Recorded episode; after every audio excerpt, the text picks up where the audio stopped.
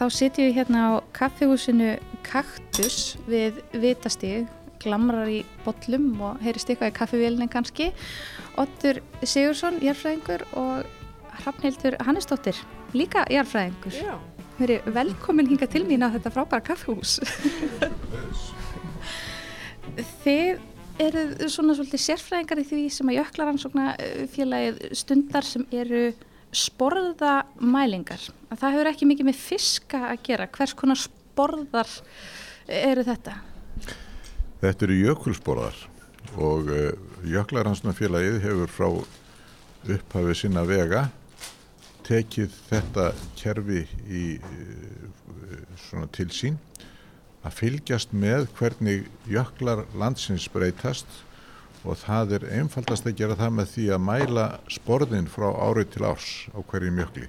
Ég synti þessu í, á þriðja áratug og e, var þá bara helt saman þessum gögnum fyrir hönd jöklaransnafélagsins og fór einstaklega sinnum að mæla sjálfur en mest er þetta byggt á sjálfbóðaliðum félagsins sem fara og mæla á hverju hösti. Áður en við hellum okkur út í umræðum þessa sjálfbóðaliða og, og vinnuna sjálfa, þá leikum við forvittnum að vita hvernig þið kynntust jökla rannsóknar félaginu. Rafnildur, hvernig gegst þú í félagi? Eh, ég var að læra jarfræði og tók alls konar kursa og, og hreifst mest af námskeiði sem Helgi Björnsson kendi sem hétt bara jöklafræði og fljótlega fór ég að heyra af þessum frábæru vísinda og, og hérna, jöklaferðum sem væri farnar af vorin vorferð jöklafélagsins og frendi minn Steini Hurðarsmiður sem er teknumæður á Járvísistofnun hérna loðaði því að reyna að hjálpa mér að fá að koma með. Og hérna á 2004 þá fór ég fyrst með í vorferð Jöklansfélagsins og hefur svona reynd að fara sem oftast síðan þá. Tekið nokkur hlið út af batningnum og, og fleira en hérna þannig byrjaði þetta hjá mér. Ég kom hingað sem uh, jarfræðingur eftir uh, nám í Svíþjóð og fór að vinna á Orkustofnun 1971 og það var uh, náttúrulega sjálfsagt mál að jarfræðingar væru áskrifundir af jökli tímaritt í Jöklahansnum félagsins sem er jarfísinda tímaritt og mjög afbrað skott í, í sem slíkt sérstaklega hvað var það í íslenska erfræði og, gat, og til þess að kaupa það þá þurftum að gerast félag í Jöklanstumfélaginu og ég hef ekkert séð eftir því en smá saman kynntist því betur eftir ég fór að vinna beinlinnis við Jökla uh, rannsóknir á nýjönda áratögnum Og hefur þú verið tíður gestur í vorferðum? Nei, ég hef bara einu sinni farið í vorferð, það var 1999 en ég var í stjórn Jöklaðarsson félagsins í tíu ár frá 1991 til 2001 og uh, var náttúrulega nákomin starfi þeirra og líka sem árlegur höfundur pistilsins um jökla breytingar. Það er kannski rétt að tala þá um þessar jökla breytingar ef við förum bara aðeins aftur í upphaf þessara mælinga hvernig hefjast sporðamælingar á Íslandi? Það er hófust með Jóni Eithorsinni veðurfræðingi sem hafði kynst þessu í Noregi og hann setti upp kerfi sporðamælinga og byrjaði á því 1930 og þá fekk hann heimamenn til þess að mæla sporða á hverjum stað, gerðan bændur en ímsi fleiri komu til. Og uh, þessu held hann áfram uh, meðan honum endist aldur. En 20 ánum setna þá stopnaði hann Jöklaransson félagið, sem að hann var svo formaður fyrir. Og smá sama færðist þessi ábyrð yfir á félagið sem slíkt en uh, þegar hans möti ekki lengur við en það voru lengst af einhverju stjórnarmenn í Jöklansfélaginu sem að sáu um að halda saman þessu mælingum. Hvernig fara sporðamælingar fram? E, þar hefur nú tekið talsverðum breytingum frá því að það er hófust. Óttur þekki nú betur til mæla aðferna sem voru fyrst notaðar en, en í dag er, er snýst þetta um það að mæla er unni fjallægð frá ákveðnum viðmjöðuna stað framann í jökulsins og að mæla síðan fjallæðina að sporðinu sjálfum. Og þá er yfirleitt í dag nota GPS-tæki en, en áður fyrir voru þetta aðeins frumstæðir aðferðir þar sem var nota til dæmis um, band af þekktri lengt sem var þá fest við stíku eða stöng sem var viðmjörnastæðurinn og, og henni svo rúlað að jökli og svo eru skrefateljarar og ímyndstætt fleira sem Ottur þekkir betur.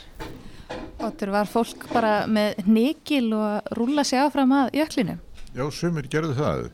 Til dæmis uh, Guðlugur uh, Guðjónsson í, frá uh, Gunnarsson segi ég frá Svínafelli sem að mældi jökulsporðar lengst allra manna í veröldinni 60 ár samfelt hann hafði hún hafði áskotnast færi úr dönsk, norsk, nei, færiskum fiskibáti sem hafði strandað á Skeðarsandi og hann notaði það til þess að mæla jökulun lengi vel. Og svo var það Eyjólfur Hannesson á Núpstað sem að mældi Skeðarjökul um langt ára bil hann skrefaði fjallaðina frá fastmerkinu að jökli og hann var að þessu fram yfir nýrætt og það var ekki laust við að skref lengdin væri aðeins mismunandi frá því að hann byrjaði og þar til síðastu mæringi fór fram.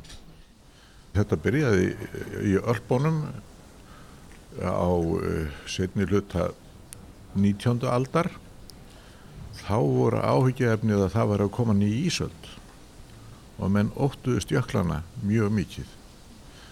Þannig að menn sáu auðvitað að jöklarnir höfðu breyst fram að þeim tíma og þetta væri afskaplega breytlegt fyrirbriði og menn höfðu ekki almennilega yfir sín yfir það fyrir en að fóru að koma árlegar mælingar á jökulsborðunum og núna með lofslagsbreytingunum þá hefur þetta fengið ennþá aðra skýrskotun heldur en var þarna í upphafi þessara sporðamælinga. Mikið af þessum mælingum voru gerðar af sjálfbóðaliðum og eru enn og einmitt af bændum á, á staðnum. Hvernig fjekst fólk í þetta á sínum tíma og, og kannski enn? Þetta var mest í personlegum tengslum við Jón. Hann náttúrulega tekti fólk við um land og allir þekktu Jón. Hann var, svo, hann var náttúrulega vikulegu gestur í, í útvarpinu með þáttinn daginn og veginn meðal annars og alþektur í þjóðlífinu. Og það vildu allir allt fyrir Jón gera. Og hann gætt fengið auðvöldlega menn til þess að fara og, og rækta þessa mælingar. Já, það er nú hérna ennþá þannig að það er einhverjir ábúendur eða fólk sem á, hefur tengsl við staðin sem hefur haldið áfram mælingunum og í sumum tilfellum hérna, helst þetta í fjölskyldum.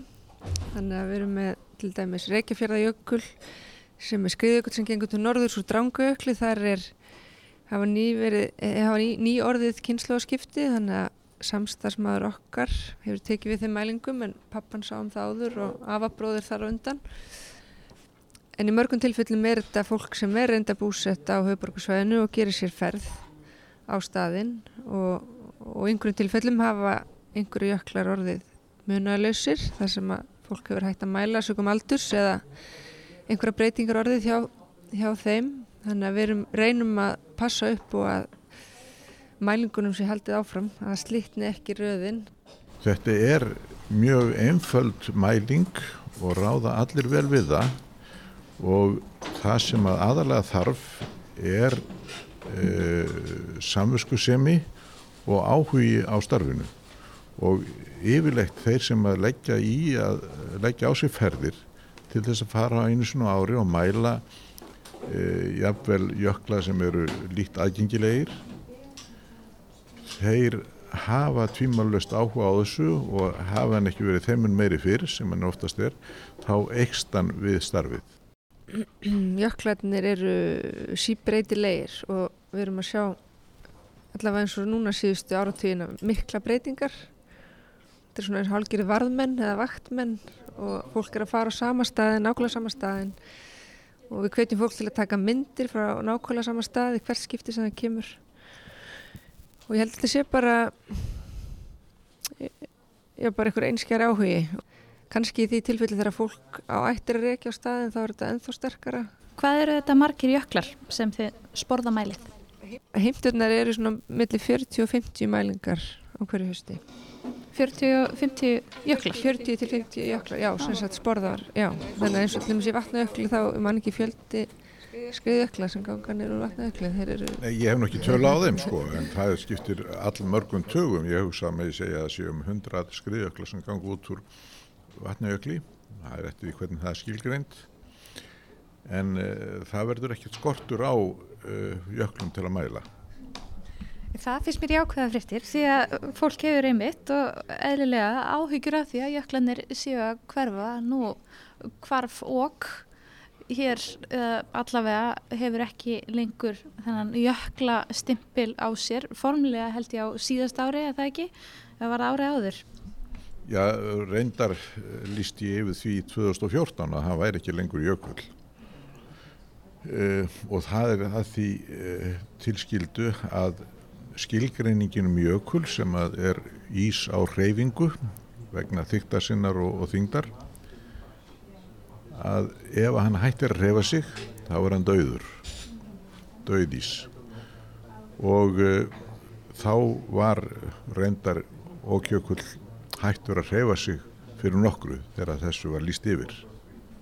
Nú er komið svo fyrir fleiri jöklum og reyndar hefur það hend líka að út jöklar, skriðjöklar út úr starri jöklum hafa hreinlega hörfað inn í jökulin og er ekki lengur til sem, sem skriðjöklar eða jökulsporðar. Nokkur er nafngrendir með þess að þannig að eins og þú sagðir áðan að áhyggjur manna að því að jöklar hverfi þær eru raunverulegar og og það fer ekkert á milli mála að íslenski jöklar munu í stórum dráttum hverfa alveg á eftir tvær aldir eða svo. Já, það eru margvíslega gögn sem er að sína okkur þessa þróun og, og reyndar erum við núna nýlega búin að klára að taka saman þetta stort gagnasafn sem að sínir útlínur jökla á Íslandi já, nánast bara allra jökla á Íslandi þar sem við búin að draga útlínur eftir mismunandi gögnum og, og það sýnir sig að, að hérna, þeir eru að á síðustu tveimur áratum sérstaklega eru þeir að harfa mjög hratt. Og hérna og þetta er auðvitað eitthvað sem að einhvern veginn liggur á okkur öllum svolítið. Og sérstaklega held ég kannski okkur sem vinnum við þetta. Þetta er svona dapurlegt og erfitt að sætta sig við. Verður þú stundum sorgmætt í vinnunni? kannski ekki í vinnunni, það er svo gaman í vinnunni en, en kannski öðrum tími dags yfir þessu sko. Og svo hefur þetta bara líka undanförnum árum og átturinn og búin að taka hitan og þungan af því er svo mikil áhugi á þessum málum og um eitt þessum sporðamælingum bara erlendis. Fólki þykir mjög áhugavert að séu sjálfbúðilega sem að halda út í þessu mæli kerfi í rauninni. Svona kerfi hefur náttúrulega verið að haldi við annar staðar eins og við að hjálpunum og og í Noregi til dæmis en uh, þar þetta, byggist þetta ekki á sjálfbóðarlega starfi eins og hér. Þannig að uh, nú eru eins og Hramildur sagði áðan nokkra kynnslóðir búin að sinna tilteknum uh, sporðum mann fram að manni. Og þetta er orðið ættarsaga jafnframt, Jök, Jökulsagan er bara orðin svolítil ættarsaga. Og verður þess vegna áhugaverð á annan hátt það er svo merkilegt fyrirbriði jöklarnir, náttúru fyrirbriði og þeir geima svo merkilega sögu að þeir verða jafnvel þó þeir hverfi þá verður uh, rannsókn á jökla sögunni mjög merkilegt fag. Vantar ykkur fleiri eh, hjálpar kokka í sporðar, sporðamælingar? Fyrir munaðalösa jökla getur fólk tekið þetta, nálgast ykkur einhvern veginn og tekið þetta upp með sér? Það eru nokkri jökla sem hafa svona, það sem heimturnar hafa verið svona kannski heldur lélegar síðust árin og, hérna, og við reynum nú að hérna, hvetja fólk áfram ef það hefur ekki af einhverjum orsökum komist til mælinga en, en einni reyna að bjóða það fram að einhver annar taki við þannig að hérna, áhuga saman geta alveg sendt okkur línu og hérna, slegist í hópin Tekið að sér munaðalösa jökla? Já. Fyrir nokkrum árum þá var ákveða að hérna, útbúa svona vefsjá þar sem að sporðamælingarnar getur orðið aðgengilegar uh, bara fyrir alla. Og það er semst þetta að skoða bara í svona korta sín og smetla á ákveðna staði þar sem að mælingar eru gerðar og fá fram bara mælingarna sjálfar og upplýsingar um það hver sinnir þeim. Og þannig að það, það er fæst svona svona sem heldar mynd af verkefnu. Rafnildur Hannesdóttir og Ottur Sigursson, kæra þakkir fyrir komina í lestina. Takk sem leiðis, þetta var skemmtilegt. Whispered something in your ear.